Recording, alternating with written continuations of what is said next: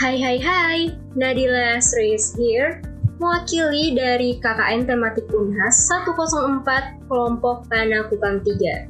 So, ini dia episode pertama kita. Rebahan bermanfaat yuk sambil dengerin Nadila.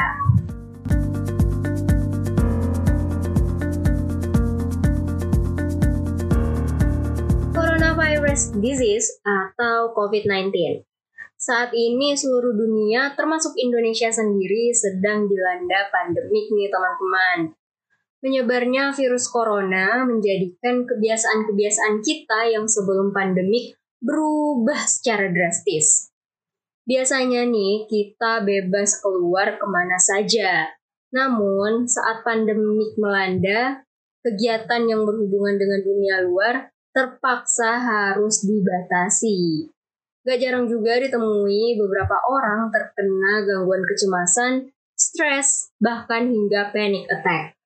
Sebenarnya gimana sih cara mengatasi stres atau manajemen stres itu sendiri? Nah, kali ini Nadila sudah bersama dengan Bunda Yaya, psikolog dari Pusat Pelayanan Terpadu Pemberdayaan Perempuan dan Anak Kota Makassar. Bagaimana kabarnya Bunda? Alhamdulillah baik berbicara tentang pandemik dan stres nih, apa saja sih Bunda yang terjadi pada masa rentan atau masa pandemik seperti ini? Gini, sekalipun tidak ada masa pandemik, gitu, masyarakat itu pasti menamai, namanya itu mengalami stres. Cuman karena sekarang ada pandemik, jadi stresornya itu semakin bertambah gitu loh. Pemicunya itu semakin bertambah karena setiap manusia itu dalam mengalami stres gitu loh. Manusia itu harus mengalami stres gitu loh. Loh kok bisa harus mengalami stres? Karena begini. Orang kalau mengalami stres itu pasti akan mencapai sesuatu yang lebih tinggi lagi. Pasti akan mencapai sesuatu yang lebih tinggi. Jadi kalau orang mau mencapai target, ingin targetnya lebih tinggi, pasti dia akan mengalami stres. Kalau dia tidak mengalami stres, dia tidak akan mencapai suatu target yang ditentukan. Ditentukan siapa? Oleh dirinya sendiri. Jadi setiap orang itu harus butuh stres gitu. Tetapi bagaimana memanage, memanage stres itu sendiri, memotivasi atau menghancurkan dirinya. Itu kira-kira seperti itu.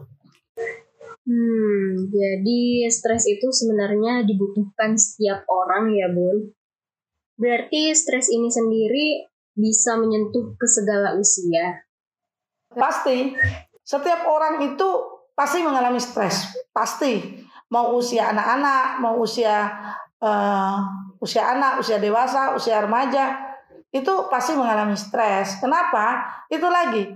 Contoh, anak mahasiswa mau ujian. Pasti dia stres. Kalau dia belajar, kalau dia tidak belajar, dia tidak akan mengalami stres. Kenapa? Kan dia merasa, ah saya tidak belajar, cuek apa pun yang mau keluar. Nah memang saya tidak belajar. Tetapi pada saat orang dia belajar, dia pasti dumba-dumba gitu. Kira-kira bahasanya orang Sulawesi itu dumba-dumba. Dia begini, kira-kira keluar nggak ya yang saya pelajarin? Nah itu yang namanya stres. Tetapi kalau orang tidak pernah, itu tadi seperti yang saya jelaskan pertama, kalau dia tidak belajar, Ya tidak mengalami stres karena dia terserah mau keluar apa jawabannya terserah. Gitu. Dia sudah masa bodoh dengan keadaan. Gitu. Ngomong-ngomong tentang anak nih Bun, bagaimana sih gangguan psikologi itu sendiri terjadi pada anak? Dan Nadila juga pernah dengar nih katanya makanan dapat mempengaruhi psikologi seseorang. Apa benar?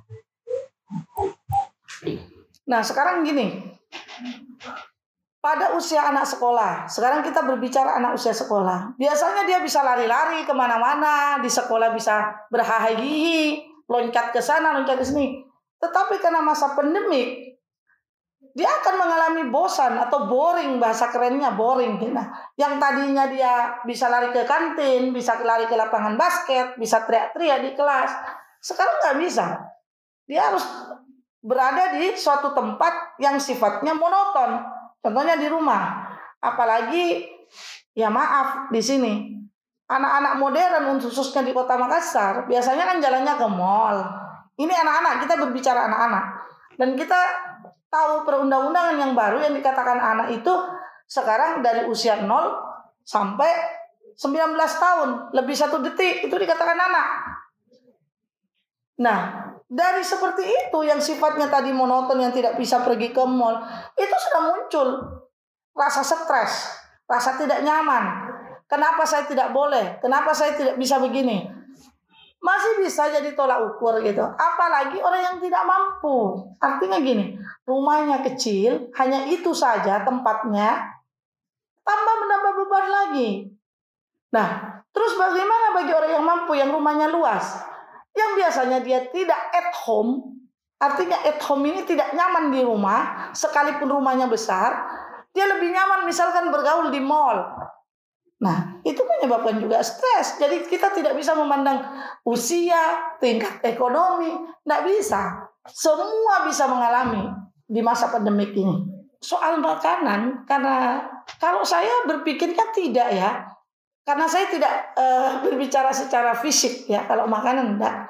Kalau saya tapi bisa jadi ahli gizi itu bisa mengatakan bahwa makanan bisa menyebabkan stres. Tapi kalau saya berpikir begini ada makanan yang orang tidak suka dipaksa untuk suka itu juga menyebabkan stres merasa misalkan ada seseorang yang tidak suka dengan uh, suatu namanya makanan misalkan uh, barong barongko. Hmm. Dia kan memang nggak suka, tetapi dia mau tidak mau disuguhin itu. Pasti dia stres, dia tidak nyaman, gelisah untuk meninggalkan itu barang. Gitu. Kalau secara mempengaruhi stres uh, secara fisiknya ya tidak, tetapi merasa tidak nyamannya, tidak sukanya itu yang bisa menyebabkan dia stres. Dari tadi kita sudah bicara tentang stres dan cemas nih. Sebenarnya yang mana yang lebih dulu terjadi? Stres atau cemas atau depresi? Dan penyebabnya itu sendiri apa sih Bunda? Antara stres dan cemas itu seperti mana duluan ayam dan telur. Jadi setiap orang itu untuk mengalami stres Biasanya ada orang yang cemas dulu baru muncul stres. Ada juga stres dulu baru cemas. Itu itu seperti uh, antara ayam dan telur. Tetapi kapan muncul depresi? Bila mana orang tidak mampu mengatasi masa cemasnya sehingga dia mengarah ke depresi. Dan itu yang harus dipahamin bahwa seseorang ini ada namanya irisan. Jadi ada dua dua lingkaran yang menyambung irisannya ini yang ada di antara cemas dan uh, stres. Nanti yang baru mengarah ke depresi itu yang dinamakan mana duluan stres sama cemas itu tidak bisa. Tergantung orangnya. Kalau depresi itu sudah langkah selanjutnya. Kalau sudah tidak bisa mengarah ke depresi ya masuk ke rumah sakit jiwa. Penyebab stres itu sangat banyak. Kalau untuk karena kita berbicara tentang anak, anak itu salah satu penyebab stres itu bisa saja karena uh, gaya hidup. Satu contoh, si A punya HP sekian, bagusnya seperti ini. Dia butuh HP seperti ini. Itu kan karena gaya hidup. Tapi kalau misalkan e, kalau orang orang apalagi anak mahasiswa ya kita berbicara anak mahasiswa. Kalau anak mahasiswa kan biasa begini si A pakai HP seperti ini si B punya laptop seperti ini. Ini menjadi tolak ukur dia menyebabkan sampai dengan stres. Beda kalau anak SD anak SD oh si B punya penghapus seperti ini model pulpen seperti ini itu menjadikan salah satu stres. Bisa saja. Karena kerasa tidak nyamannya. Tetapi semua tergantung pola asuh yang ada di rumah itu sendiri. Jadi siapa yang yang tergantung kepada siapa? Ya orang tua. Pola asuh. Kembali ke pola asuh lagi. Kalau kita berbicara anak, kembali ke pola asuh. Kembali ke pola asuh.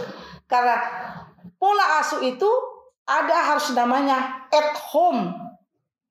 Kalau di dalam bahasa psikologinya lagi terbentuk enggak attachment behaviornya ini anak kepada orang tuanya atau dia hanya terbentuk attachment behaviornya kepada pembantunya nah itu sistem lekatnya itu jadi seperti itu jadi yang mana duluan stres dan cemas itu tergantung pada orangnya ya Bu dan untuk penyebabnya sendiri bisa disebabkan dari banyak hal Nah, ini menjadi pertanyaan masyarakat nih sebenarnya, Bun.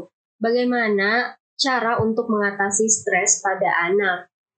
Mengatasi stres pada anak, sebenarnya kita harus tahu kenapa dia sampai stres. Pemicunya itu harus kita cari dulu. Pemicunya apa? Kenapa dia merasa stres? Merasa tidak enjoy, merasa tidak at home, merasa tidak terbentuk attachment behaviornya. Itu harus dicari dulu kalau sudah ditahu, oh dia merasa tidak at home di rumah, tidak nyaman di rumahnya, ternyata karena orang tuanya suka bertengkar, orang tuanya jarang di rumah. Nah itu kan kadang-kadang tidak at home anak-anak. Sekalipun rumahnya seperti istana. Sehingga apa? Dia lebih suka mencari teman sosial yang lain. Pada saat dia mencari teman sosial, artinya orang lain yang tidak ada di rumahnya, dia lebih nyaman dengan orang lain, attachment behaviornya lebih nyaman dengan teman sosialnya, itu yang sudah berbahaya. Nah, akibatnya muncul apa? Yang tadi, oh temannya punya HP begini, dia tidak punya HP. Muncul lagi stres. Jadi harus seperti itu. Harus dicari intinya siapa. Kenapa? sampai seperti itu. Nah, jalan satu-satunya apa? Ya itu tadi. Orang tua harus paham pola asuh untuk anak-anak yang modern dan milenial. Itu harus tahu, oh anak saya begini, harus paham. Suka tidak suka, orang tua harus belajar bagaimana anak milenial. Itu.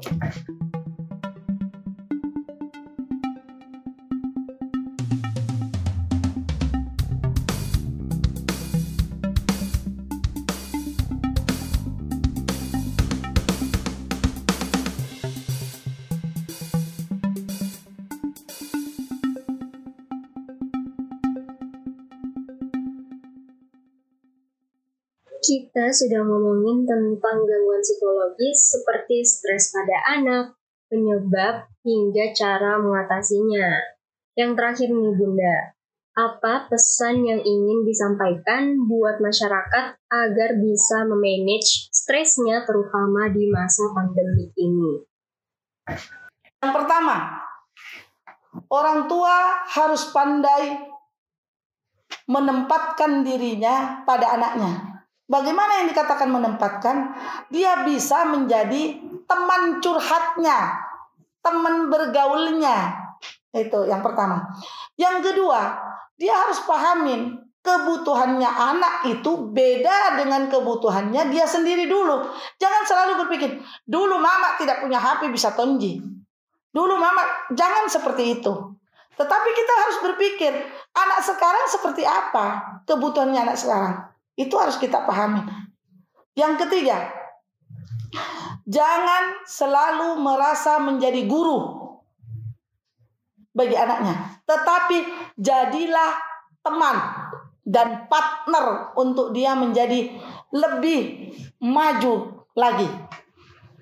Keempat, jangan pernah takut minta maaf kepada anak kita.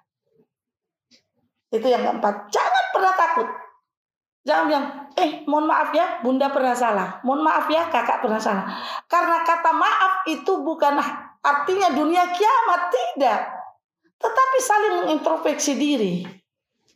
Yang kelima, jangan biasakan kita mengatakan kepada dia, kamu salah.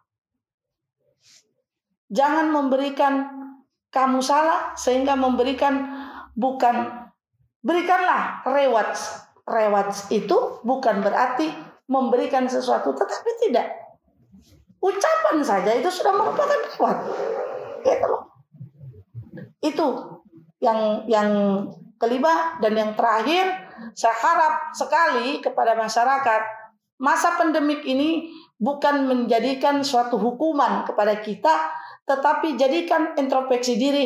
Untung ada begini, makanya saya lebih dekat sama anak-anak, lebih nyaman dengan keluarga, lebih full berkomunikasinya dengan keluarga.